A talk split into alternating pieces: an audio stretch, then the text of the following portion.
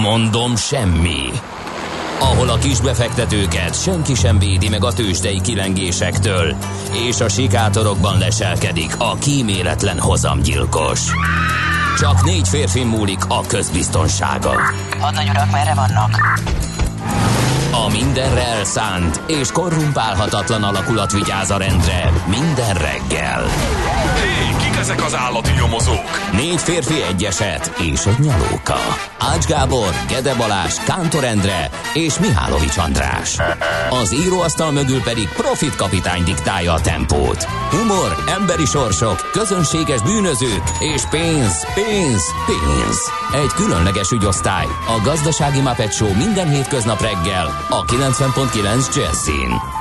De is figyelj, ne csak a bárányok hallgassanak. De miért? Ha nincs pénzed azért, ha megvan, akkor pedig azért. Millás reggeli. Szólunk és védünk. Jó reggelt kívánunk mindenkinek, ez a Millás reggeli ma reggel Nem is. mondod. Tudod, hogy ma reggel milyen reggel van? Kegyetlen kedd, igen. Tegnap megmondtam. És február. Tényleg február első napja van. Bizonyám, úgyhogy ez 2022-ben természetesen. most a- holnap, holnap lesz Holnap minden idők egyik február- legszebb napja. Igen, mert tele leszünk kettessel, 202 202 202. de még Így lesz egy jobb, Ma február akkor 20 lesz. 22-e. 20 lesz, meg 22. Igen. Három februári szép napunk is lesz. Úgyhogy Igen. most nézi a technikai személyzet az óráját, amin szerintem dátum is van, meglepődve. De Hány tényleg, gombos ö, négy, ha az jól órája? emlékszem. Négy vagy öt. Négy gombos. Jó. De nem tud zenélni. Nem nyolc dallamos? Nem. Négy gombos? Jó. Na, izgalmas. Na, hát rögtön egy olyan magasságot ütöttünk, amely e, már nehezen überelhető. Itt Kántor Endrével ülünk egyébként. Ja igen, és Mihálovics Andrással, elnézést Ez pedig a kérek. Millás reggeli a 90.9 Jazzy Rádion, bár a felkonfba minden információ ezzel el, kapcsolatban elhangzott. 0 30 20 10 9 0 9 ez az SMS, WhatsApp és Viber számunk is. Kérem szépen figyelj, Figyelek. buék. Csak rád figyelek. ne, nem értem azért, szolgalelkem felolvasom, de nem értem. Buék, hával, buék. Uh-huh. Jön, jön, víztigris, 6.46-kor lesz exakt az együttállás, írja Proféta kapitány. Jó. Figyelj, vannak ilyenek is. Én ismerek Én mondom, olyan hogy televíziókat és rádiókat, ahol nagyon sokan vannak, akik profita kapitányhoz hasonlóak, és ott megnyilvánulnak. Nem biztos, hogy ez a legjobb felület nekik. De De mindegy. aranyos vagy, hogy felolvastad. A koronavírussal álmodtam, ebben annyi a jó, hogy már álmodtam Vivian Rönerrel és Cindy Crawforddal sem. Az se jött be, ergo ez se fog, írja Gézu. Tehát ma ilyen lelki szemetes ládának használják üzenő falunkat. A drága hallgatók úgy eh, nézem. Eh, De mindegy, jól van ez így. Figyelj, én azt mondom, azért gond, megírja a szolgalelkűen nem gond, a hogy szokás. ilyen üzeneteket írnak a kedves hallgatók. Én értem azt a, azt a lelki állapotot, amelyben ők leledzenek ma reggel, hiszen amikor az ember átolvasgatja ezeket a vagyonnyilatkozatokat, és eldönti, hogy itt valami egészen elképesztő uh, komédiának a része, ugye jól mutatja például a vagyonnyilatkozatoknak a, az értelmét, vagy az értelmességét, hogy például Völner Pál papíron szegényebb lett. De teljesen jogos. Hát mennyit kell már ügyvédekre költenie, ne viccelj. Azok meg nem, nem olcsó mulatság. Igen. Ilyen szinten ennyi pénzt költeni ügyvédre, úgyhogy én azt nem, nem meg Lajos meglepetéssel. 50 milliós adóstárs lett, Gyurcsány hitelezett, és görgős karfás munkaszéket kapott, amit ö, szolgalelkűen bevallott. Na, ez mit, ha, mit szólsz? Hm? Öm, Görgős karfás munkaszéket. Egyébként Rogán Antalnak jól megy, a ta- találmánya jól Palkovics, fizet. Palkovics László 408 milliót vagyonnyilatkozat. kapott a találmánya után. Palkovics László érintett meg, akinek van négy vadászpuskája távcső szerelékkel. Ja, Benne van a értem. vadó- va- vagyonnyilatkozatában. Én itt lapoztam is tovább, tehát men, Engem ezek annyira nem érdekelnek, semmi értelme, tényleg. Tehát ezen csemegézzünk, meg nem tudom, mi micsoda, Hát aztán nem, tehát ez a eszméletlen. jó ég meg nem mondja, hogy ez most igaz vagy nem, de az ember hajlik afelé, tekintve Egyéb- az elmúlt évek Igen. döccenőit ezzel kapcsolatban, hogy majdnem biztos, hogy nem igaz semmi sem. Figyelj, nagyon jó, 24.hu azt írta, nekem nagyon tetszett ez a mondat, hogy a vagyonnyilatkozatoknak ebben a formában annyi értelme van, mintha mindenki önkéntesen valhatná be, csinálta bármi rosszat. Úgyhogy innentől kezdve, Mi- nem. András, a következőt szeretném megkérdezni tőled. Te Nem, én nem ma csináltam. reggel, reggel, ma reggel, ahogy jöttél be az autód szolgálati gépjárműveddel, te áthágtál-e bármiféle közlekedési szabályt? Igen. Mit? Rágyorsítottam, mert egy busz tökölt előttem, és olyan És- útvonalon, ahol nem És szabadott volna. mennyivel mentél gyorsabban? A megengedetnél gyorsabban. De mennyivel? 5-10 százalékkal. Látod? Értem. Én De már természetesen, elmúlt. én, ter, én természetesen végig a megengedett sebességgel közlekedtem, mindig indexeltem, mindent úgy csináltam, Nagyon ahogy helyes. kell. Tehát Jó. természetesen. Azt szeretném, hogyha te vagyonnyilatkozatot is nyilvános lenne egyébként, mert az közszereplő nagyon, vagy te is. az nagyon ciki lenne, azt szerintem, hogyha az nyilvános lenne. Igen. Főleg rám nézve. Igen, én is így érzem. Isten éltesse az Ignácokat és a Brigittákat, akik hát abban a szerencsétlen helyzetben lelték magukat, hogy a vagyon nyilatkozatok ügye elvitte az ő névnapi köszöntőjüknek a jelentékeny részét, de cinellákat, cinnákat és Hmm. cinniákat se felejtsük el megköszönteni a fiamettákról, gittákról, imogenekről, imogénekről, Imogén, imogen, igen. Mhm. Innocenciákról, kincsökről, szevérekről, vincenciákról és virginiákról ne is beszélve. Tudod, hogy miről kapta a nevét február? Hónap? Biztos, hogy tudod, csak nem mondod meg, mert kegyetlenkednek Igen. tartasz. Februárius, vagy pedig Februs, ugye, az a bőjt előhava a, Róm, a megtisztulásról, a megtisztulás római istenéről, Februsról kapta a nevét.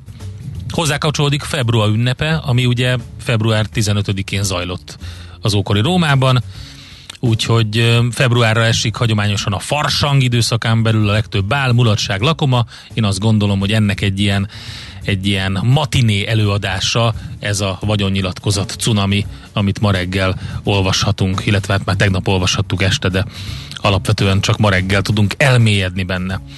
Na, mit szeretnél még mondani a kegyetlen kedden? Hát, hogy a civilek napja van ma, és emlékezzünk rájuk, mert bizony nem könnyű Mert nem nekik. sok van. Ja, igen. Ez 1994-ben alakult egy olyan, hogy civil parlament Magyarországon, aztán 97-ben pont február 1-ét jelölték meg a civilek napjában, 98-ban tartották meg először, és ezzel a civilek napjával az a cél, hogy felhívjuk a figyelmet arra, hogyha nem működnének kellő számban civil szervezetek, mi is lenne velünk. Például az önkormányzatoknak sokkal több feladata Mhm. és nagyobb felelőssége lenne. Hát mostanában pedig nem könnyű civilnek lenni, ahogy én azt mondtam is, úgyhogy egy kicsit álljunk meg és emlékezzünk az ő tevékenységükre. Én nem a február és nem a római dolgokkal foglalkoztam, hanem az imbolccal, kérlek szépen. Az imbol, az valami Az- IKEA bútor? Igen, egy szekrény sor. Január 31-én alkonyatkor kezdődik, Brigid Kelta istennő ünnepéről van szó. Mhm. Úgyhogy csak óvatosan nehogy magadra haragítsd az istennőt. Nekem már mindegy. Imbolc a tavasz első napja, úgyhogy ezzel tudjuk színesíteni Ez a mai reggelt, hogy de már a tavasz első napja van, csak legyetek kelták. Ja. És ha van akolba zárt állatoktok, akkor pedig engedjétek őket ki legelni a rétekre. Uh-huh. Ez nagyon fontos Imbolc napján. A katolikus egyház nyilván ráterepült el az ünnepre, amely oly sok pogány és római ünneppel tette ugyanezt, de felváltották a február másodikai gyertyaszentelővel, ami Szűz Mária ünnepe, ezt, erről majd holnap fogunk beszélni. Most az Imbolcról beszélünk, mindenki hajtsa ki az állatokat a rétre, illetve a tavasz első napjának örvendezzen, és ezért hát valamiféle pogány áldozatot mutasson be Brigid Kelta istennőnek, ha jót akar Mire magának. gondolsz? Milyen típusú? Hát én boráldozatra gondoltam. Ja, na, az nagyon jó ötlet. Bár ugye csak ked van, még nincs cséntek, amikor már lehet boráldozatot bemutatni. Boráldozatot mindenkor lehet bemutatni, hogyha az ember szeretné az égiek áldását magára vonni. Jó, jó, rendben. Ne, mert hogy ebből leszűrtem, hogy fogalmat sincs, hogy mi az a boráldozat. De én tudom, hogy mi az. Nem, én, nem de, tudod. De Ne, vannak, azt- voltak azt gondolod, hogy ke- boráldozat ürügyén kedves borok, A sárga el föld állítja meg az El áldozókat. fogyasztani. Nem. De bo- el or- kellett hát ez fogyasztani, óri- és óriási áldozat És az volt mérő az istennőnek, ha te elfogyasztod. Bár biztos van olyan bor, aminek az elfogyasztása tőled áldozatot kíván. Az a 300 Pontosan. forintos kocintos Ne, az jó, alsó ne, Az polcról. borzasztó nagy áldozat. Na, hát erről beszélek, de nem ilyen a boráldozat. A Oké. boráldozat az azért kell, mert hogy felajánlod a, Attól függ, annak, hogy fel akinek szeretnénk-e vidítani a Brigit Kelta istennőt, vagy Fel. pedig... Hát akkor... De ne kocintossal, ne garasoskodjál itt nekem. Jó. Tehát valami... Ezer forintért? Az nem, jó. nem. Ezer öt? Hát, Mi a plafon? a plafon a csillagos ég, hiszen hogyha nagyon-nagyon szeretnéd nekem is Brigid lesz. istennő áldását magadra, akkor értelemszerűen nagy mértékű áldozatot kell. Na jó, rendben. Egy akóbort kell Jó. szétlocsolnod a jobbikból. Mert hogy a boráldozat az arról szól, hogy szét kell locsolni, azt nem meginni kell. Barátaim körében? Nem. A földre? A földre. De ki van zárva?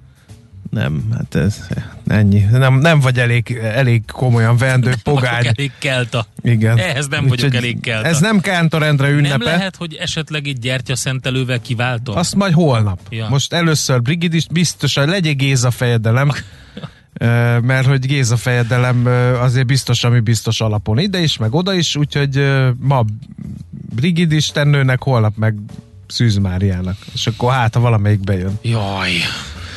Na, nézzük, hogy mi köthető február azt mondom, 1 hogy a testem csak hajó. És, Tényleg? igen, és ilyen kelt a hagyományokhoz hűen, tehát hogyha én mondjuk feláldozom magam, hogy én elfogyasszam a bort, akkor Brigid istennő testemen keresztül élvezheti áldásos hatását. Az nem jó így? Mint egy biológiai szűrőn keresztül? Mondom, tehát testem egy hajó, ahogy így szokták mondani a kelták sokszor, és akkor Az a baj, hogy, hogy az ateizmusod átszűrődik ezeken a szavakon, mert te állandóan kibúvókat Én- keresel. én Ha nem- egyszer az a csak terminus technikus, hogy Brigid Istenőnek szét kell locsolni egy akóbort, akkor ne próbálja ilyen szűrőkkel, meg kocintós, vagy, vagy magnum borokkal operálni, hanem adjad azt, ami, ami, ami szerinted jár Brigid Istenőnek. előveszem Imbolc márkájú pohárkészletemet, és ezzel segítek. Nagyon nehéz veled, nagyon nehéz. Nem vagy te rendes kelta, csak ilyen divatkelta vagy. Úgy érzem. Röppenjünk inkább oda, hogy jó példával járt elől az uralkodó 1886-ban, amikor ugyanis a Magyar Királyi Posta takarék pénztár ö, megnyit, kezdte működését 1886. február 1-én, akkor Ferenc József, császár, magyar és cseh király, kérem szépen, ő nyitotta az első takarékbetétet, a másodikat pedig József főherceg, mindegyikük 300-300 forintot tettek be. Na ez emlékeztet a te imbolc ünnepedre. Mi? Nem, a Baros Gábor csak 50 forintot hát rakott be. Én akkor vagyok te vagy, a Baros te Gábor. vagy a Baros Gábor. De az az 50 forint, az nyilván nem olyan 50 forint volt. Mielőtt valaki a 0 30 20 10 9 0 9 megírná, hogy milyen tukkok vagyunk, hogy leszóljuk Ferenc József 300 forintos betétjét. Nézzük meg azt a fejlődési ívet, Igen. hogy akkoriban egy uralkodó 300 forintot tett be egy takarékbetétbe, most meg a vagyon nyilatkozatokból Azt kiderül, figyelj, hogy hú, ez nagyon nem jó. sokat fejlődtünk. Nagyon jó kötés. Gratulálok, Ugye? András. Na, aztán 1942-ben, február 1-én jelent meg a Szabad Népnek az első száma, ö, amik- az első főszerkesztő pedig Rózsa Ferenc volt. 1942, tehát aztán utána lett Népszabadság, uh-huh. meg Szabad Nép, meg Igen, minden, igen. igen. szabad népből. Aztán 1953-ban menjünk át, délnyugat Hollandia nagy részét tengerár öntötte el. Kérem szépen, 53-ban, nem is olyan régen. A későbbi hasonló esetek elkerülésére született meg az úgynevezett Delta terv, a Selde és a Mász torkolatánál kialakult szigetek és földnyúlványok, félszigetek kijáratait teljesen elzárták, hogy ne történjen többet ilyen, és egyébként meg is valósult a terv, jó sokáig építkeztek, tehát 53-ban öntötte el az ár, akkor utána születhetett a döntés. Hát ugye azért Csak csak 86-ban 86-ban. védve, mert jól feltöltöttek ott sok mindent, lényegében azzal nyernek területet, de hát azért mégiscsak Niederlandról van szó, tehát a német Alföldről elég laposan fekvő terület, úgyhogy azért az, ezek az áradások azért folyamatosan jelentenek veszélyt. Na, mi volt még itt? Ja, hú, 2000-ben, az Aurul- Aurul igen. Az emlékszünk 2000-ben a Jaj. Tiszai katasztrófára, Ö, Romániában január 30 és 31-én a Szamos felső folyásának vízgyűjtő területén működő román-ausztrál tulajdonú Aurul nevű bányavállalat cianiddal és nehéz fényekkel szennyezett zagytározóján az esőzések miatt ugye szivárgás történt. Az bekerült a Szamosba és a Tiszába, és a szennyezés február 1 és 12 között vonult le a Tiszán. Hát egy ökológiai katasztrófát okozott a folyó élővilágában. A természet csodája, hogy visszatért oda az élet. Igen. Egyébként érdemes lenne megvizsgálni, hogy 22 évvel ezelőtt ami történt, hát az még érezhető a Szamoson még van bőven uh, borzadály, úgyhogy um, nem csak a műanyag hulladékra gondolok, de a különböző nagyipari állattartásnak a maradványaira, amik bele vannak engedve. Szóval egy eléggé csúnya helyzet van szerintem ott a Szamos Tisza környékén. Na, a híres születésnaposok közül emeljünk ki egyet-egyet. Én Hajós Alfred, magyar építészmérnök, versenyúszó, labdarúgó, Magyarország első olimpiai bajnoka, az, akit kiemelnék, 1878-ban született ezen a napon. Figyelj, én Tom uh, Lantos helyett Clark Gable. Nagyon Ez már meg fognak kövezni, mert én szeretnék Clark Gable lenni. Azzal a hátra pomádézott hajjal, uh-huh. azzal az ellenállhatatlan sármal, Igen. Azzal a bajusszal, és utána azzal a mérhetetlen Gond elfolytott az, szenvedéllyel. Állítólag Clark Gable-nek borzasztó szájszaga volt, De- és azt még az elfújta, a szél se tudta rendesen elfújni a színművésznők szerint, akik szerepeltek Hát vele. valamit valami. Igen, igen. És uh, a Dancing Borisnak is egy uh, kitekintés, aki 1931-ben született, Boris Salcin, ahogy mondták ugye a, a hírcsatornák angolul, azóta se volt olyan vidám elnöke, vagy elnöke, vezetője Miért az orosz nem vidám? Hát nem, nem annyira szerintem, ő inkább ilyen kemény ember. Ő is szokott Ne, úgy, humorizálni. úgy nem szó, hát, hú, az más, az, az másfajta humor. Pedig lövethetne is. Az másfajta humor. Az ilyen, mint amit most mondtál. Igen. Igen. Uh, Terry Jonesról nem fogunk beszélni? De, Ő Brian Jones. mamája. Igen. Ugye Monty Python oszlopos tagja, Terry Jones Wells színész 1942-ben február 1-én született, sajnos 2020 óta nincs ő velünk, és hát Isten éltesse Molnár Ferenc Karamell művész urat, őnek is születésnapja van, 1982-ben február 1-én született. Na hát akkor mindenkinek nagy szeretettel küldjük a Twiddle nevű kiváló formáció egyik örökbecsüjét, a Jam Flow Ment, ami egy eh, kicsit megcsúszott zenészről szól, de mindenki, aki tudja, hogy milyen az, amikor már nem jönnek össze az álmok, de még mindig, még mindig pengeti a húrokat valaki, annak szól a Jam Flow Man. Nézz is! Ne csak hallgass! millásreggeli.hu Ezt Mehetünk most tovább? nagyon szeretném megkérdezni, hogy ezt most uh, Mit? tényleg komolyan gondoltad Imholc, Én komolyan Imbolc ünnepén először elcsalod a boráldozatot, utána pedig Nem csaltam el. többek által hózsanázott, de általam elég érdekesnek, és akkor most rádióképesen Twiddle fogalmaztam. a legnagyobb. zenével megalázod Brigit Kelta Istennel. Tévedsz. Hát nekem mindegy. Tévedsz, én nem megaláztam. Pontosan tudom, hogy ez tökéletesen imbolcos volt. Én jobban ismerem Brigidet, mint te. Jó, meg is Nem kérdezték a kedves uh, hallgatóink tőled a Facebookon, hogy Én tőlem? E, igen, mikor is megy a gazdalap földre? Megáll út közben ennél a kelta istennőnél is? Kérdezték. Természetesen. Úgyhogy igen. Lapföld felé félúton, ott valahol a, az M1-es Győri szakaszánál ott Nem van, arra van egy ilyen menni. büfé, ott, ott Nem megállsz arra szoktam menni. Brigitnél. Márkónak szoktam menni, az nem az egyesen van. Na, mit találtál a A lapokban? világgazdaságban találtam, hogy marad a szigorú szabályozás az építőanyagok piacán, úgyhogy mindenki nyugodjon meg. A vészhelyzet után is szükség lehet az építőanyag export regisztrációs kötelezettségének fenntartására. Ezt az Innovációs és Technológiai Minisztérium miniszterhelyettese Sanda Tamás nyilatkozta a világgazdaságnak. Tavaly nyáron hozott kormányzati intézkedések szerint eredményesek voltak, sikerült megszüntetni a nyomasztó áruhiányt, és az itthon is szükséges alapanyagok biztosításával közbelépni azokon a területeken, ahol a leglátványosabb volt uh-huh. az mhm. áremelkedés. Azért én erről megkérdezném a kivitelezőket, akik teljesen mást mondanak erről a nyomasztó alapanyag hiányról. Igen. De azért jó, hogy felolvastad ezt a, melyik minisztérium közölte ezt a Innovációs szöveg... és technológiai. Ja, uh-huh.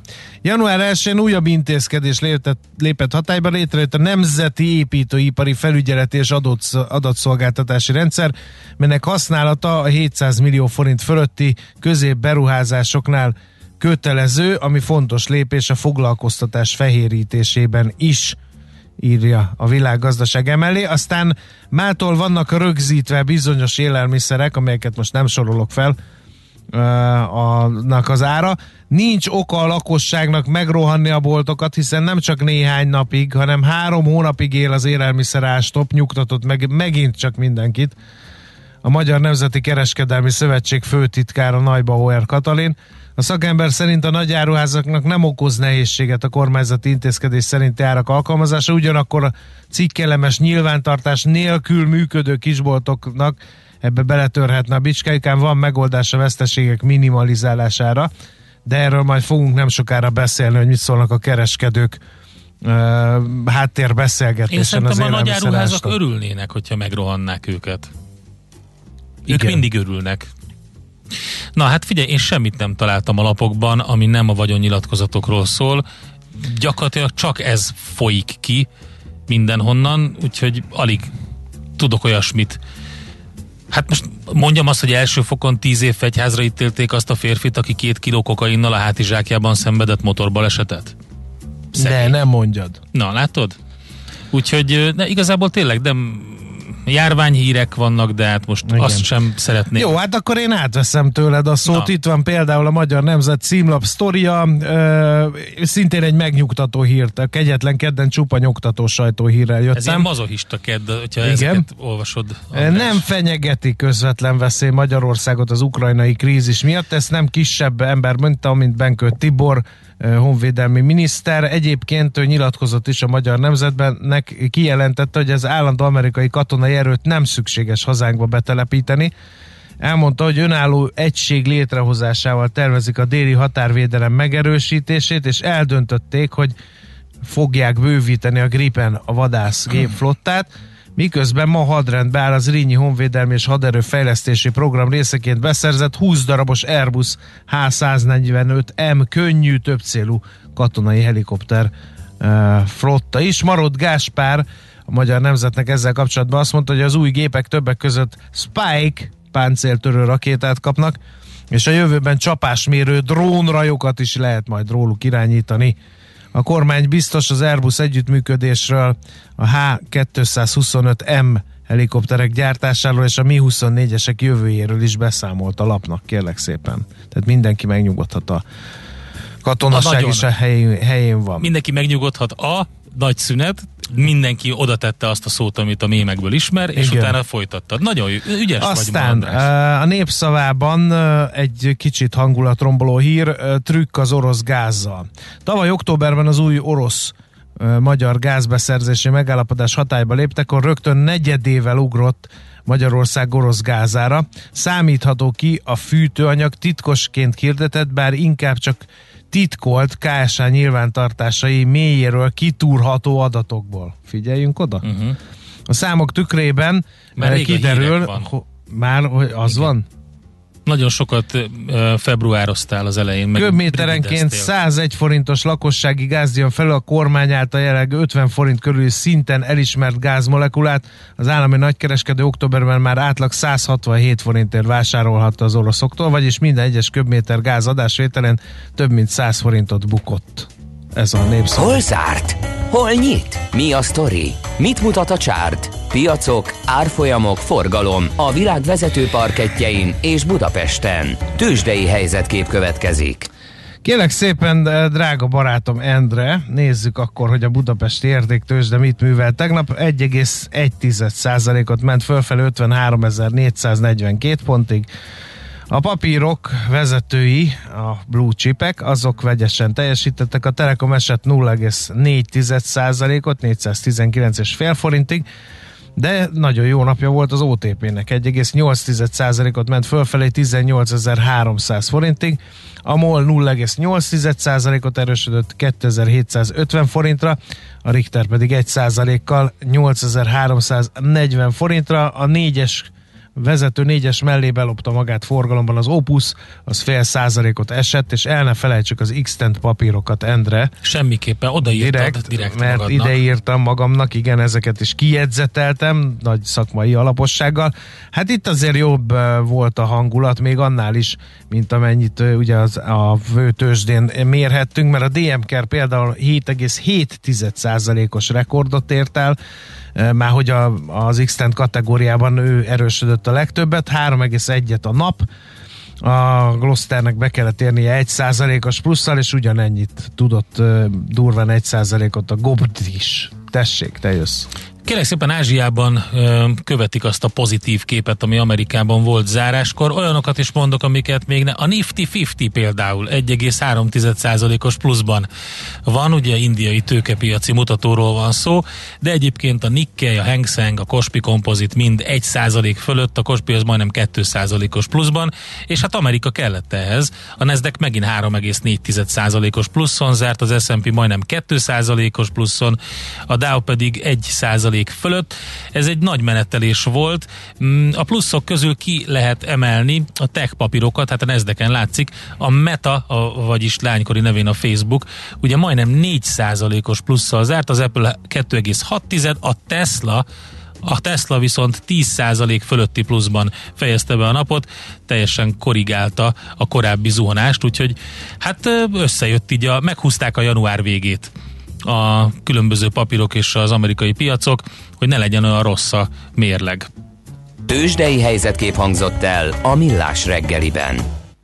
És itt van velünk Tari Ibolya. Szia, jó reggelt! Jó reggelt, sziasztok! Aki végig szenvedte az elmúlt végig pár hallgattam, percet. nem, szenved, nem szenvedtem, hallgattam. Hát a, milyen hírek vannak, Ibolya? Na ezt akartam, hogy a hírek, hírek. Jó hírek. Hát, hát nyilván az élelmiszer ástop a, uh-huh. a vezető, és ugye az is, hogy szép kártyával lehet most akkor február ja, ja, 1 bizonyám. hideg élelmiszerekért fizetni, úgyhogy én azért gondolom, hogy erről szól a délelőtt legalábbis ennek a vízhangjairól. Az biztos. Majd meglátjuk. És te hogy írtad, bár ez rádióban ugye tök mindegy, szerencsédre, far kötőjel hát, vagy farhát egybe, mert most teljes teljes kérdés van itt. A magyar sajtó egyik oldala far kötőjel hátnak írja. Na hát most nem fogok állást foglalni, nem írtam le. Ugye nagyon jó. Az nem, a so, biztos. nem soroltam fel. Okay. Felírtam a hét Nem alapvető soroltad fel? élelmiszer. Mindenki tudja már, nem? De így van, te, mindenki tudja szerintem is. Jó, hát nem tudom. A- Akkor most a hírekből nem tudom meg, hogy most akkor melyik. De már tudod a hírekből. Egyébként Hát elmondtam. csak nem a tiédből. Hát Nem, na, Nekem majd- azt tetszett, Hiányolom. azt elmondom azért még, hogy úgy volt megfogalmazva ebben a szabályozásban, hogy csirkefar, csirkehát, csirkefar hát. Tehát úgy nehogy véletlenül trükközni lehessen, hogy mondjuk a farhát benne van, akkor a, kiveszik a hátat csak külön, és akkor az már nincs és akkor benne. a csirkefar. Igen, bizonyám, úgyhogy ez nagyon fontos.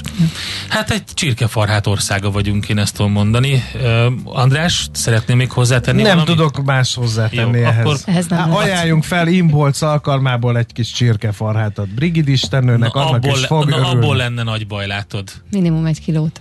Ahhoz még kis hát elég dankó, ahhoz egy kis dankópistát szétlocsolhatnál szerintem, úgy együtt jó lenne. Jó, megvettem. Nézd a Millás reggeli adásait élőben a millásreggeli.hu oldalon. Millás, Millás reggeli, a vizuális rádió műsor. A reggeli rohanásban könnyű szemtől szembe kerülni egy túl szépnek tűnő ajánlattal. Az eredmény Krétával körberajzolt tetemes összeg. A tethelyen a gazdasági helyszínelők, a ravasz, az agy és két füles csésze és fejvállalakzat. A lehetetlen küldetés megfejteni a Fibonacci kódot. A jutalom egy bögre rossz kávé és egy olyan hozamgörbe, amilyet még Alonso Mózli sem látott. Millás reggeli, a 90.9 Jazzy Rádió gazdasági mapetsója. Vigyázat! Van rá engedélyünk! A Millás reggeli fő támogatója a Schiller Flotta KFT. Schiller Flotta and Rent a Car. A mobilitási megoldások szakértője a Schiller Autó tagja. Autók szeretettel. Na végre, megjött az ellentábor hangja. Urak, mi ez az óriási időhúzás félórás dalokkal. Endre, légy szíves, Kántor Endre tette be ezt a félórás dalt, én mosom kezeimet. Magyarázkodjál te, tessék! Hát nem mindenkinek ö, van nálam tudsz-tudsz konzerv kibontva, úgyhogy sajnálom. Na, ezt el is vártuk, hogy sajnáljad. Ez a legkevesebb, hogy rabolod itt a mások drága idejét a zenéiddel. Na jó, szépen. akkor mondjuk közlekedést inkább. A Millás reggeli ez a műsor egyébként, aki nem tudta volna azonosítani, és a 0 30 20 10 9 0 9-es SMS, WhatsApp és Viber számról e, talloztunk az üzenetek között. Hát aki felolvasta Mihálovics András. Mondhatunk. És a másik műsorvezető? Azt én már elmondtam rég, Mond mert én profit vagyok. Mond még egyszer. A mikrofonoknál Kántor Endre, azaz Kántor Endre, félhetőleg és valóságosan Mi is Kántor Endre. Budapest legfrissebb közlekedési hírei, itt a 90.9 jazz Neked van valami a pakliba? Mert nekem nagy Vége annak a balesetnek esetleg? Igen, annak vége az M3-ason, ami volt korábban. Most már nem jelzik, úgyhogy hát, hála Istennek. Hát azt útinformot nézegettem Budapest közelében az M7-es autópályán.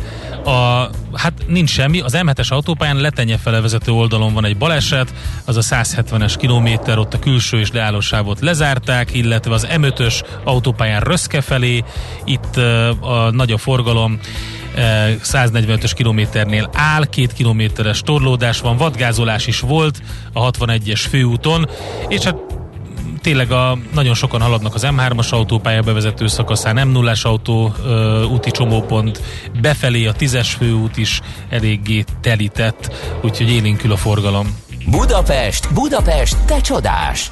Hírek, információk, érdekességek, események Budapestről és környékéről.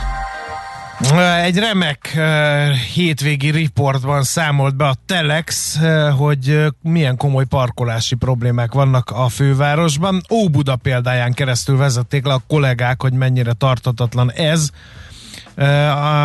Például a panel lakótelepek felett eljárt az idő, és nem csak azért, mert hogy ilyen kevés ember nem tud autóval ott megélni és parkolni. Alap probléma, Sok hogy ember. egyre több autó van a városban, egyre nehezebb és egyre lehetetlenebb a lakóhelyünkhöz közel helyet találni. Az egyik gócpontként azonosították az óbudai lakótelepet, ahol a nap minden szakában rémálom helyet találni, ráadásul sok elővárosból közlekedő itt rakja le az autóját, hogy utána innen tömegközlekedjék. Um, csinált egy gyors felmérést a Telex bloggere a helyszínen. A megkérdezett 50 ember 90%-a elégedetlen a parkolási helyzettel, 76% pedig nem tud a lakásához közel megállni. Megkeresték a kerület önkormányzatot is, akik azt válaszolták a kérdésre, hogy nem tervezik fizetősé tenni további parkolókat, és valójában más konkrét tervek sincsenek a probléma megoldására. Um, és Tehát ezt behatóan lényeg... ismered ezt a problémát, mert ott a szerkesztőségben dolgoztál, ahol Igen, itt, és ez már akkor is így volt. És akkor is nehéz volt ezelőtt. ugye bármilyen helyet találni ott a környéken. A közterület felügyelet, figyelem, bevallottan nagyfokú toleranciával jár el a szabályszegőkkel szemben a lakótelepek közelében. Elsősorban csak lakossági bejelentések és kirívó esetek esetén nyúlnak a bírsághoz és a kerékbilincshez ez csak Óbudánra jellemző, gondolhatnók, de nem így van, hanem a város sok más lakótelepén is zsúfoltan lehet csak parkolni. Egy csomó ötlete és javaslata van a lakosságnak, azonban nem nagyon tűnik megvalósíthatóak.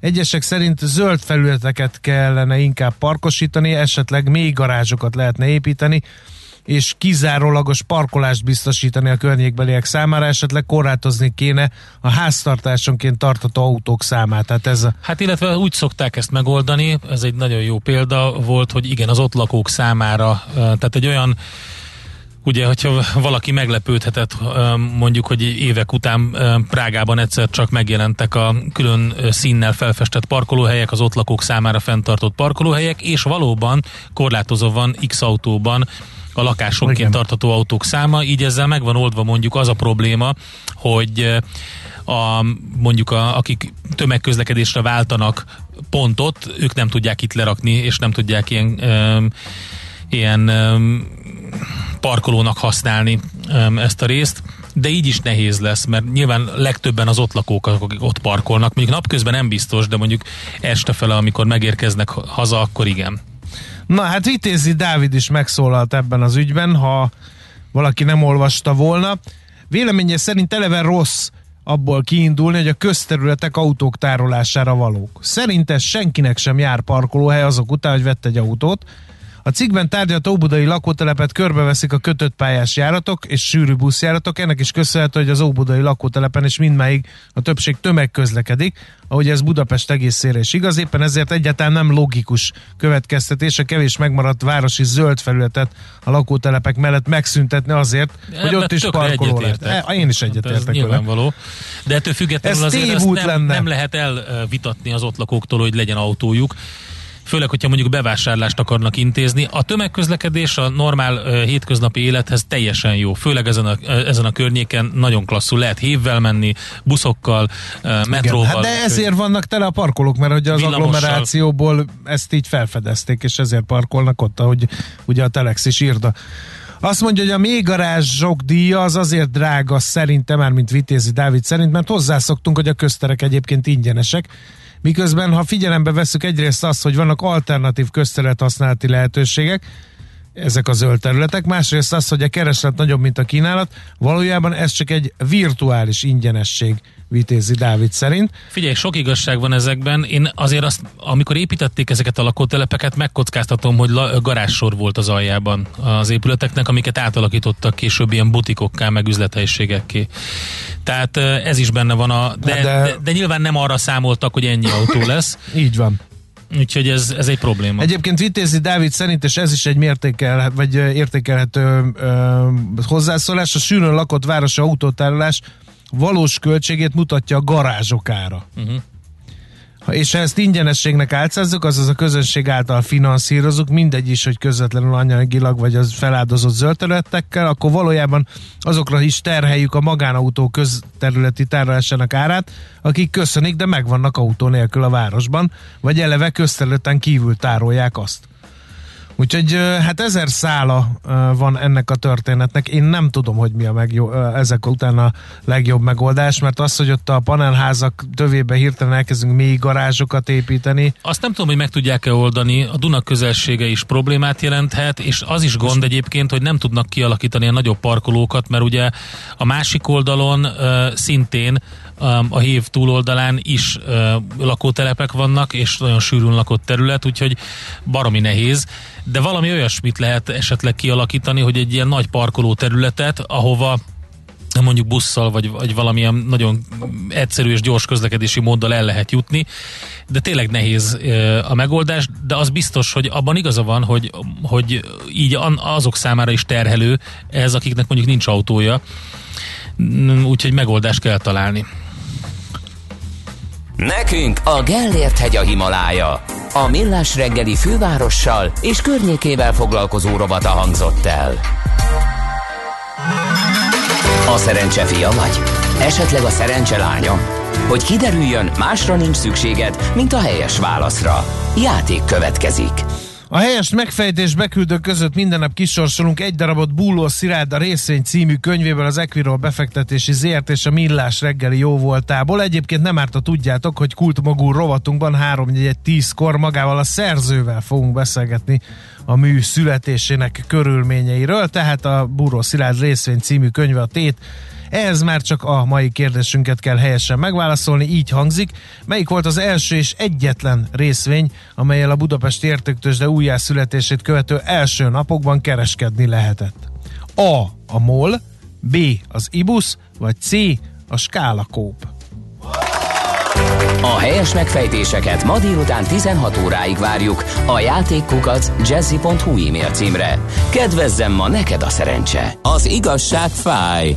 Persze nem annyira, mint olyan bicajra pattanni, amelyről hiányzik az ülés. Millás reggeli. Egy csomó élelmiszer ár rögzítésre került mától, tillárom haj, ez a munka címe a mostani beszélgetésünknek. De mit szól ehhez a kereskedelmi szakma? Ezt kérdezzük Hornyák Józseftől, a Portfolio.hu elemzőjétől. Szervusz, jó reggelt! Jó reggelt, szervusztok, üdvözlöm a kedves hallgatókat. És azért tőled, mert a hivatalos nyilatkozatok, ez a majd megoldjuk, nem lesz ebből probléma, legfeljebb a kisebb üzletek esetleg azért nem biztos, hogy annyira jól járnak, de, de milyen hallgat a szakma. Közben pedig azért lehet látni, hogy például ö, mennyiségi korlátozásokat vezetnek be a Lidl-nél, és ők még olcsóbban adják, a rögzített árnál is olcsóbban a termékeiket. De rengeteg kereskedővel beszéltél, mert egy csomó cikket írtál ebben a témában. Mit mondanak el off the record a kereskedők? Igen, nagyon érdekes, hiszen a kereskedők nem igazán szeretnének erről névvel, címmel beszélni. Ugye nagyon-nagyon kevés kivétellel ugye volt, aki például a Facebookra azért kiposztolta, hogy ő bizony veszteséget fog elkönyvelni, egy kicsi cégnek a tulajdonosa. De ugye sokkal szívesebben beszélnek a kereskedelmi szektor szereplői úgy, hogyha nem fedjük fel a nevüket, és azért itt elég súlyos problémákról szóltak. A legnagyobb probléma az ugye jelenleg az, hogy a legkisebb vállalatoknak a beszerzési árai azok nagyon sokat emelkedtek az elmúlt hónapokban, és bizony már ezek az árak, amit a beszállítók kínálnak nekik, ezek már magasabbak, vagy ugyanolyan magasak, mint amire vissza kell nekik csökkenteni az október 15-i ár, úgyhogy ezért elég súlyos problémában vannak ebből a szempontból.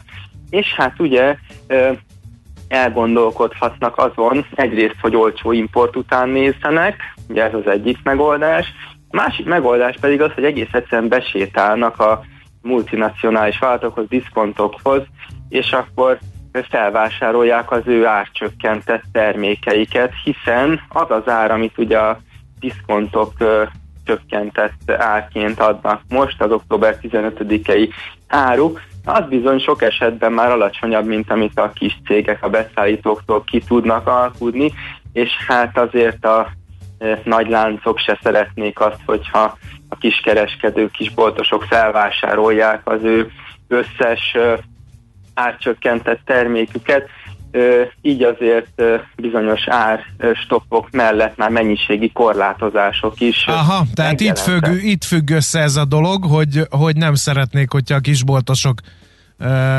bemennének, felvásárolnák a diszkontoknál ezeket az akciós termékeket, és utána kiraknák a saját polcaikra. Így van, egészen pontosan. Ugye a háztartások, az egyszerű közemberek azért nem nagyon akarnak ö, 10-12 kilónál többet venni maguknak, alapvetően nem is szoktak, és mivel hogy sokáig tart azért még ez az árstop, ugye nem valószínű, hogy a legelején szeretnének betárazni, viszont a kereskedőknek azoknak fontos lenne a kisboltosoknak különösen, hogy fel tudják tölteni relatíve olcsón a készleteiket, vagy olcsón a készleteiket, és nyilván azoknál a multiknál, amik a legkedvezőbb árat kínálnak, vagy kedvezőbb árat kínálnak, azért azt megnézhetik ők is ott az árcédulát. Mi van azzal a, a, a nem tudom, jóslattal, vagy nem tudom, minek nevezzem, hogy akkor majd nem tartják ezeket az akciós termékeket azok a boltok, amelyeknek ezt nem éri megtartani.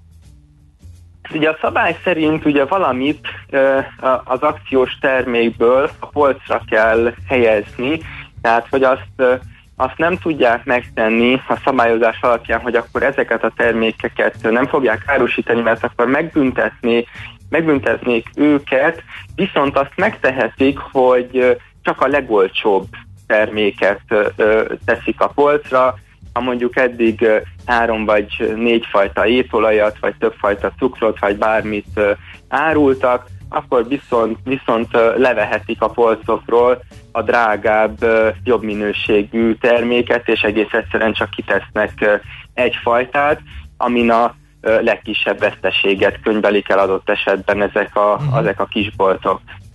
Aztán az a kérdés, hogy ellenőrzi-e valaki ezeket az előírásokat. Ugye nagyon komoly szigort ígértek a, az illetékesek az állami szektorból, de hát ugye az a kérdés, hogy van-e annyi ember, hogy minden aprócska boltot az ország minden szegletébe lejárjanak, végigjárjanak, és megnézzék, hogy, hogy minden rendben van-e, és tényleg nem manipulálnak az árakkal, meg a készletekkel. Nos, hát így van, annyi biztos, hogy nem lesz annyi ellenőrzés, hogy mindenkit meg tudjanak nézni, meg tudjanak vizsgálni, hogy, hogy mindenki rendben van-e. Azt gondolom, hogy inkább lesz egy-két olyan ellenőrzés, amit majd bemutatnak a sajtóba, vagy megmutatnak, hogyha esetleg tényleg azt tapasztalják, hogy hogy a kereskedők nem jártak el tisztességesen, vagy úgy, ahogy ugye a szabály leírta, akkor majd mutatóba ugye lesz néhány ilyen büntetés elrettentő példaként, hogy lám ezt azért nem szabad csinálni, mert akkor súlyos retorziók jönnek, ugye ezért is mondták be, hogy nem figyelmeztetés az első, hanem rögtön a büntetés az első, amivel mhm. készülnek a fogyasztóvédők is, és hát én azt gondolom, hogy azért ebből a szempontból a, a kereskedők már most inkább igyekeznek a lehető legnagyobb gondossággal eljárni, és, és nem megszegni ezt a, ezt a szabályt, kibekkelni ezt az időt a legkisebbek is, hiszen hiszen azért belefuthatnak a, a bírságba, mi még a, az árcsökkentés, árstop után még a bírság azért az nagyon-nagyon kedvező, mm. kedvezőtlen lenne számukra. Na most akkor egy érdekes kérdés. Ugye a benzinár stopnál is felmerült, hogy mi lesz akkor, amikor ennek vége. Ez azért érdekes, mert azt mondtad, hogy most mennyiségi korlátozás hogy ne rohanják meg a, a vevők, és hát ugye nyilván ők nem is fogják, hiszen tudják, hogy három hónapig maradnak az árak. Na de mikor jár le ez az élelmiszer ástop. Egy csomó élelmiszer, tartós élelmiszer, amit hát lehet, hogy megéri betárolni. Ilyen az UHT tej, az is jó sokáig eláll a lisztről, étolajról, cukorról nem is beszélve. Akkor jöhet egy roham? Ez a legnagyobb félelmük egyébként a kereskedőknek, amit mondtál is, hiszen most még az elején nem tartanak ettől a nagyon komoly rohamtól, hiszen még hosszú időig fennmaradnak ezek a befagyasztott árak, viszont a megszüntetése előtt, ennek az ástoknak a megszüntetése előtt, akkor egyszerre lehet, hogy szembe kell majd nézniük a nagy multiknak azzal, hogy egyrészt a kisboltosok meg fogják őket rohanni, hiszen az akkori beszerzési, beszállítói áraik, ugye tavasztal azok valószínűleg még magasabbak lesznek a kisboltoknak, tehát még jobban megéri majd a még tavaly október 15-i árstoppos terméket megvenni ugye nekik a multiknál. Másrészt a háztartásoknak a rohama is megindulhat, és felvásárolhatják a készleteket, hiszen nagyon sok tartós termék van ezek között, és valószínűleg amikor közeledünk az árstopnak a végéhez, vagy elkezd lejárni az árstop, az előtt be fognak árazni a háztartások logikus módon, hiszen ezt követően ezeknél a termékeknél is egy jelentősebb áremelkedés várható. Uh-huh. Na, akkor még egy dologot így a végére a beszélgetésnek.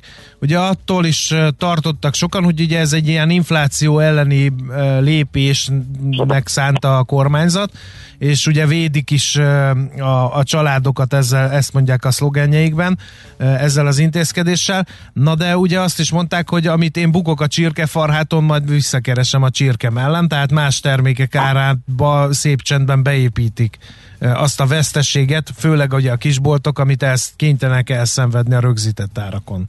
Erről nyilatkoztak valamit a kereskedők? És abszolút több megoldásuk is van a kereskedőknek ugye a, a problémák, problémára. Az egyik, hogy elmennek az olcsóbb import irányába, és akkor nem fognak veszíteni, és hogyha van rá lehetőségük, és találnak jó beszállítót, akkor bizony lecserélik a magyar termékeket az olcsóbb importra, és akkor megvan oldva a probléma, legalábbis a veszteségük nagy részét azt tudják ezzel kompenzálni, egy kis részét pedig át kell hárítani az emberekre. Most jelenleg Magyarországon ugye elég erőteljes béremelkedés van, erős a belső kereslet. Ilyenkor úgy mondják, hogy a vállalatoknak egyszerű, könnyű az ár meghatározó képességük, vagyis könnyen átháríthatják az emberekre a megemelkedett költségeiket, vagy pedig valamilyen szempontból a veszteségüket, mert a vásárlók úgy is meg tudják venni, nő a reáljövedelmük, és, és tudnak vásárolni. Tehát abszolút ez egy reális félelem, vagy egy reális történet, hogy a többi terméknek, a nem árstoppos termékeknek az árát meg fogják emelni a kereskedők, de hogy itt visszahozzák azt a veszteséget, amit el kell könyvelniük az árstoppon, és egyébként minél nagyobb egy vállalat, annál könnyebben fogja tudni ezt megoldani, hiszen ha van több ezer terméke, akkor mindennek csak egy 10 forinttal kell növelnie az árát, amit igazából nem éreznek meg annyira az emberek. Itt is minél kisebb egy cég, minél kisebb egy kereskedő, hogyha csak tized annyi terméke van, mint a nagyboltosnak, akkor neki sokkal jobban kellene mm. megemelnie a termékeinek az árát, hogy kompenzálja a veszteségét. Tehát abszolút ugye azt számítások alapján ugye némi infláció csökkentő hatása van ennek a 6-7 terméknek az árbefagyasztásának, viszont a másik oldalról a kereskedőknek a viselkedése, hát nyilvánvalóan senki sem szereti a veszteséget, különösen nem akkor, hogyha meg tudja oldani, hogy elkerülje azt, és már pedig a jelenlegi mhm. gazdasági helyzetben nagyon is ö, ö, könnyen tudják emelni az árakat. Hát igen, akkor ugye az a helyzet ebben az egészben, amit már így első blikre mondott a szakértő nálunk, amikor bejelentették ezt az árstopot, hogy egyrészt a magyar mezőgazdasági termelőknek nem lesz könnyebb, hiszen az importtermékek iránti kereslet meg fog nőni, másrészt a kisméretű kereskedői vállalkozásoknak nem lesz könnyű, mert ők nem tudják olyan könnyen ennek az intézkedésnek a hatásait lenyelni, meg, meg kibekkelni. Úgyhogy hát igen, érdekes. Meglátjuk, három hónap múlva kiderül minden, hogy hogy hatott ez a dolog az inflációra, az emberek pénztárcájára és bizonyos cégek gazdálkodására. Nagyon szépen köszönjük a beszélgetést. Köszönöm szépen. Szép napot. Szia. Hornyák Józseffel a Portfolio.hu elemzőjével beszélgettünk arról, hogy ő mit beszélgetett a kereskedőkkel az élelmiszer árstoppal kapcsolatban, amely ma indul az üzletekben. Az erős koncentrációnak sokszor az a következménye, hogy az ember könnyen elfelejti a már befejezett dolgokat. Millás reggeli. Na hát, hogy kik költenek az online piac tereken, kik? ezzel fogunk uh, most foglalkozni. Ugye az online piac terek működésükben hasonlítanak a bevásárlóközpontokhoz.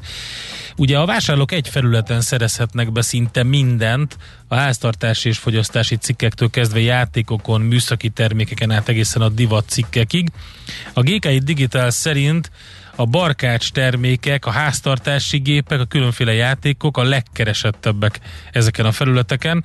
Most Pap Mátéval beszélgetünk, az EMAG Marketplace direktorával, és megnézzük, hogy ő neki mi a tapasztalata ebben. Szervusz, jó reggelt! Jó reggelt! No, hát akkor kik azok az emberek, akik az online piac tereken vásárolnak, és mit vásárolnak ezek az emberek leginkább? Igen, az a jó hírem van, és azt tudom mondani igazából, hogy már ez nem egy specializált uh, réteg, tehát nem, nem azt kell azt mondanom, hogy, uh, hogy adott esetben csak fiatalok, vagy csak mondjuk férfiak, vagy nők, hanem mivel a leglátogatottabb webpláza vagyunk, ezért nagyon-nagyon széles uh, igazából ez a célcsoport, aki vásárol nálunk, és arra a kérdésre, hogy mit, hát talán az egyik legérdekesebb, most épp uh, eszembe jutott, hogy az egyik legérdekesebb ilyen történet volt tavaly, amikor ugyancsak ezt vizsgáltuk mi is, hogy mely termékcsoportokat vásárolják esetleg együtt az ügyfelek. És ugye pont ez az érdekes a marketplace modellben, hogy voltak olyan rendeléseink, amikor teszem azt egy rendelésen belül két különböző partnertől az ügyfelek rendeltek adott esetben betonkeverőt és babyört is, vagy pelenkát és bármilyen parketteket és hasonlóakat. Micsoda árukapcsolás. Anyukám kapsz egy babyőrzőt, ha vehetek egy betonkeverőt. Nagyon érdekes. Nálunk is, nálunk is ez volt a hatása, és ekkor, ekkor is mondtuk azt, hogy még inkább az a, az a fókusz, hogy ugye minden termék kategóriában megjelenjenek a partnerek, hiszen itt vannak a vásárlók, és, és gyakorlatilag pont ezzel a széles szortimenttel tudják ők majd uh, bármilyen uh-huh. igényüket lefedni. Adott esetben a betonkeverőt és a babyört is egyben. Nagyszerű. Egyébként azt gondolom méritek, hiszen mérnetek kell, hogy miért vezet az út egy online piasztérre, miért, mi motiválja a vevőket akkor, amikor ezt a vásárlási formát választják? Igen, természetesen, tehát a, a vásárlókat, hogy mi motiválja gyakorlatilag Elment a hangod. Tehát ott tartottunk, hogy gyakorlatilag, és akkor onnantól kezdve nem hallottuk. Jó. Hallottok? Most, most, most hallunk, igen, most igen, igen. Szóval, ne haragudjatok, Semmi gond az égvilágon, mehet tovább. Szóval, hogy ö, ott tartottunk, hogy gyakorlatilag.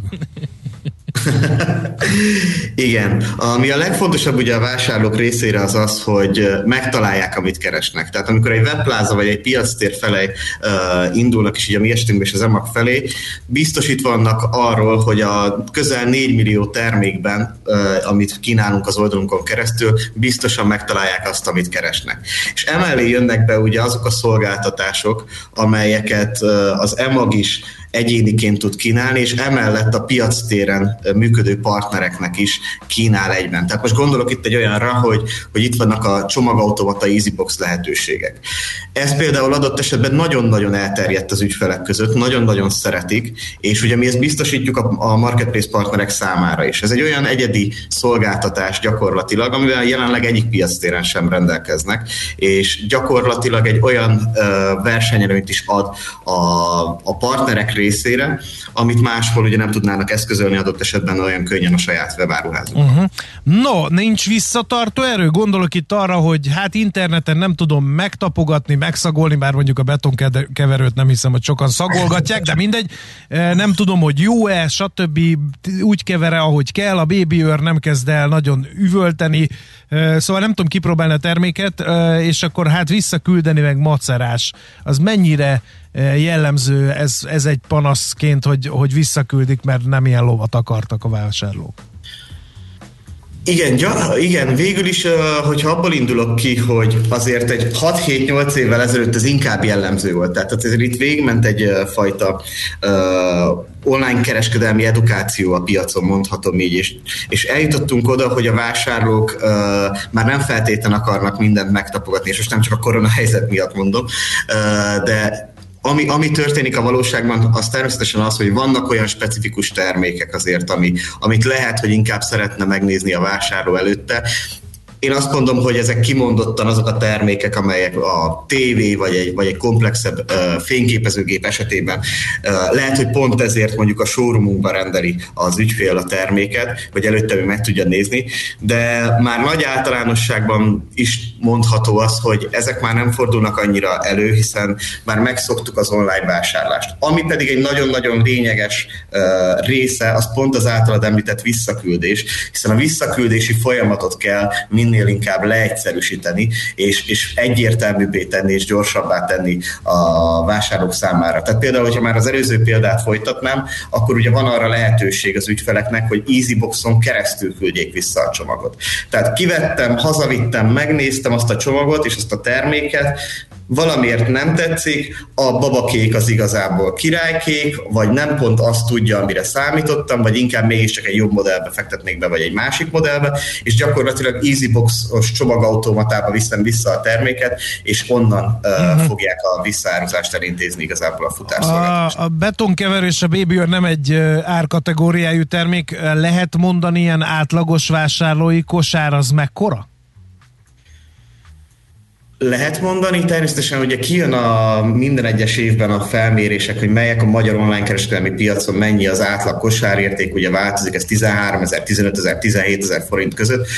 Pont abból adódóan, hogy a marketplace modellben ugye velünk vannak a legkisebb partnerek is, akik adott esetben csak 50-100 darab terméket értékesítenek, illetve mondjuk nálunk vannak azok a barkácsos partnerek, akik a betonkeverőtől kezdve egészen speciális terméket értékesítenek. Azt mondom, hogy a nagy átlag ugyanitt van, viszont lényegesen máshogy tevődik ez össze a nap végén, hiszen pont ez miatt a széles portfólió méret miatt az á- de már megint elment a hang. Igen. Na, a széles portfólió méret miatt, igen, ha most hallasz bennünket, mert megint elment egy pillanatra hangod. Még mindig nem jött vissza.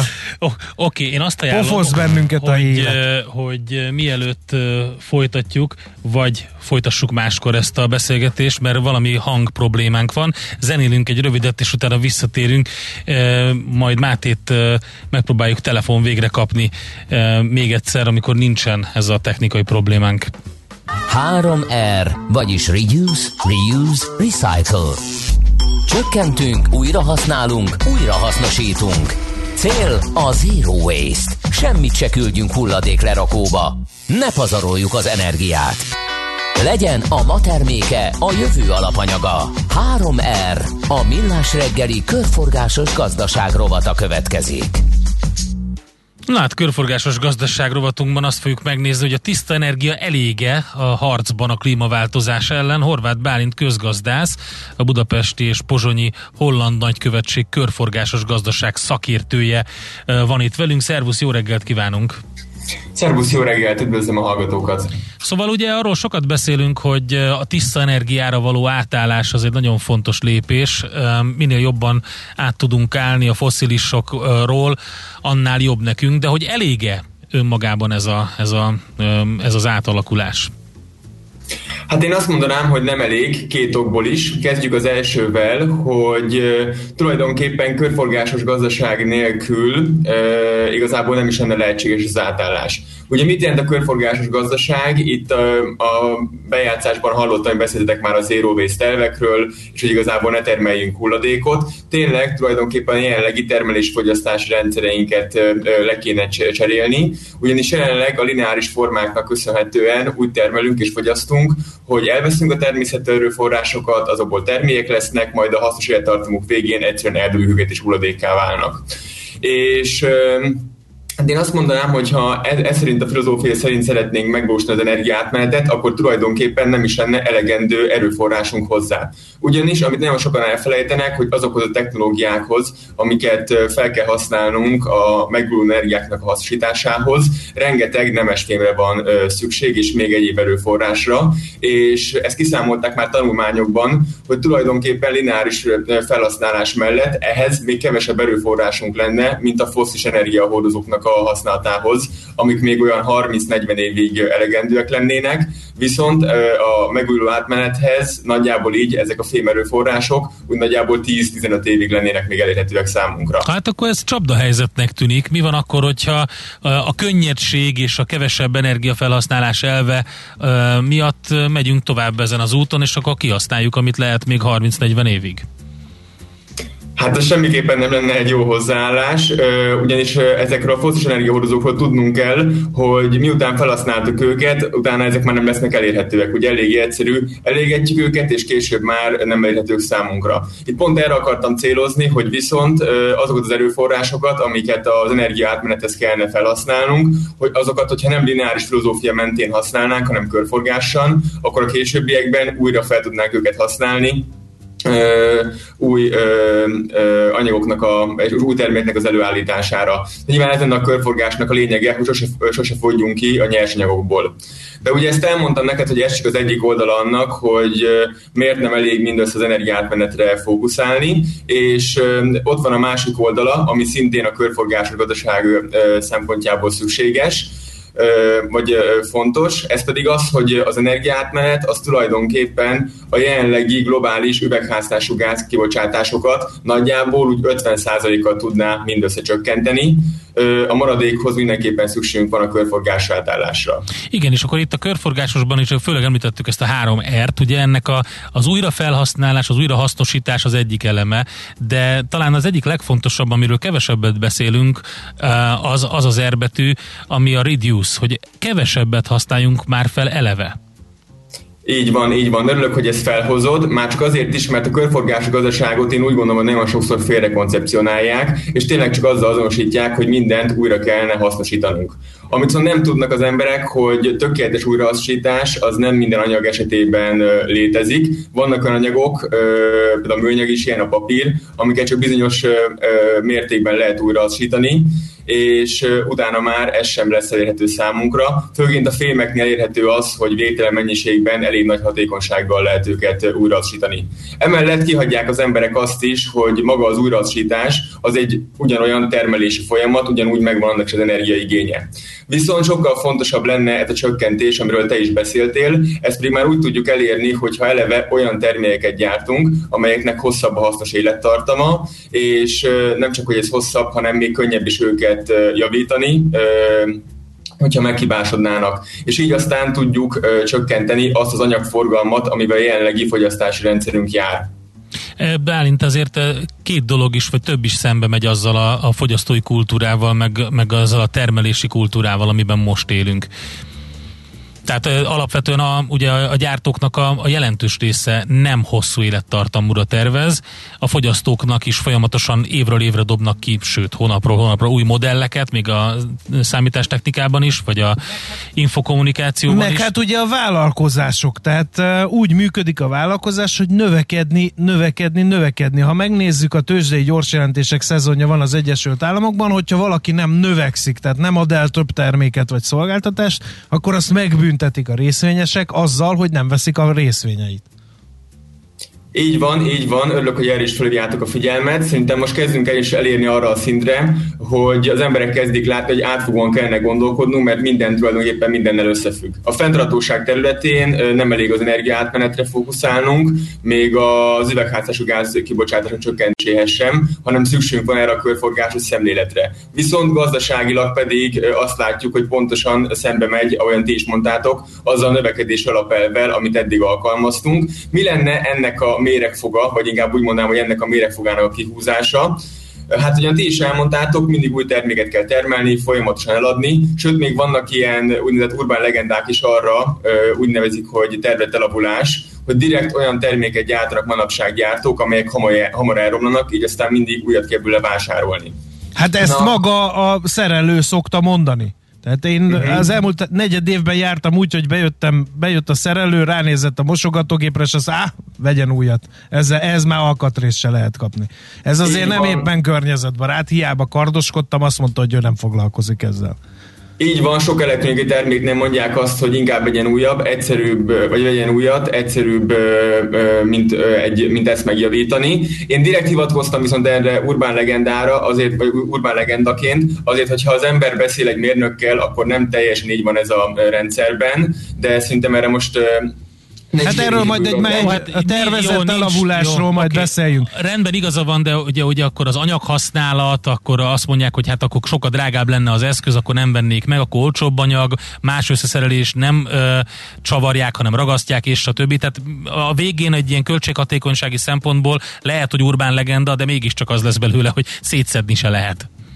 Így van, így van, de akkor viszont mégis térünk rá kicsit, kicsit bővebben, ha már energiafelhasználás. Ugye mi az, amit a legtöbbször hivatkoznak ilyenkor? A mosógépet. Azt hiszem előbb te is pont a mosógépet mondtad. És mindig mondjuk, hogy bezzeg a nagy, nagyszüleink korábban 30 évig ment egy mosógép. Igen, csak azt elfelejtjük, hogy a hosszú élettartamnál kivesszük a hatékonyság javulási rendszerből. Tehát az a, ha még mindig olyan gépeket használnánk, akkor tulajdonképpen az 3-4 év alatt kitermelni egy új mosógépnek az árát, mert manapság, amikor megveszünk 4 évvel később egy új mosógépet, a sokkal hatékonyabban működik, kevesebb vizet használ föl, kevesebb energiát. Persze nyilván ennek is megvan a korlátja, hogy mi, mi, mikor tudjuk kimaxolni ezt az energiahatékonyságbeli növelést, viszont ez is egy fontos aspektusa annak, hogy most akkor egy átváltási jelenséggel nézünk szembe, vagy sok hulladékot termelünk, vagy pedig megmaradva a régi rendszereknél sok energiát és egyéb erőforrás használunk fel az elavultabb rendszerekkel. Uh-huh. És pont erre akartam kitérni, hogy viszont van egy módszer, amivel kihúzhatjuk a kapitalizmus kapitalizmus mérefogát, akár egy is fogalmazhatnék, az pedig az, hogy nem eladjuk a terméket,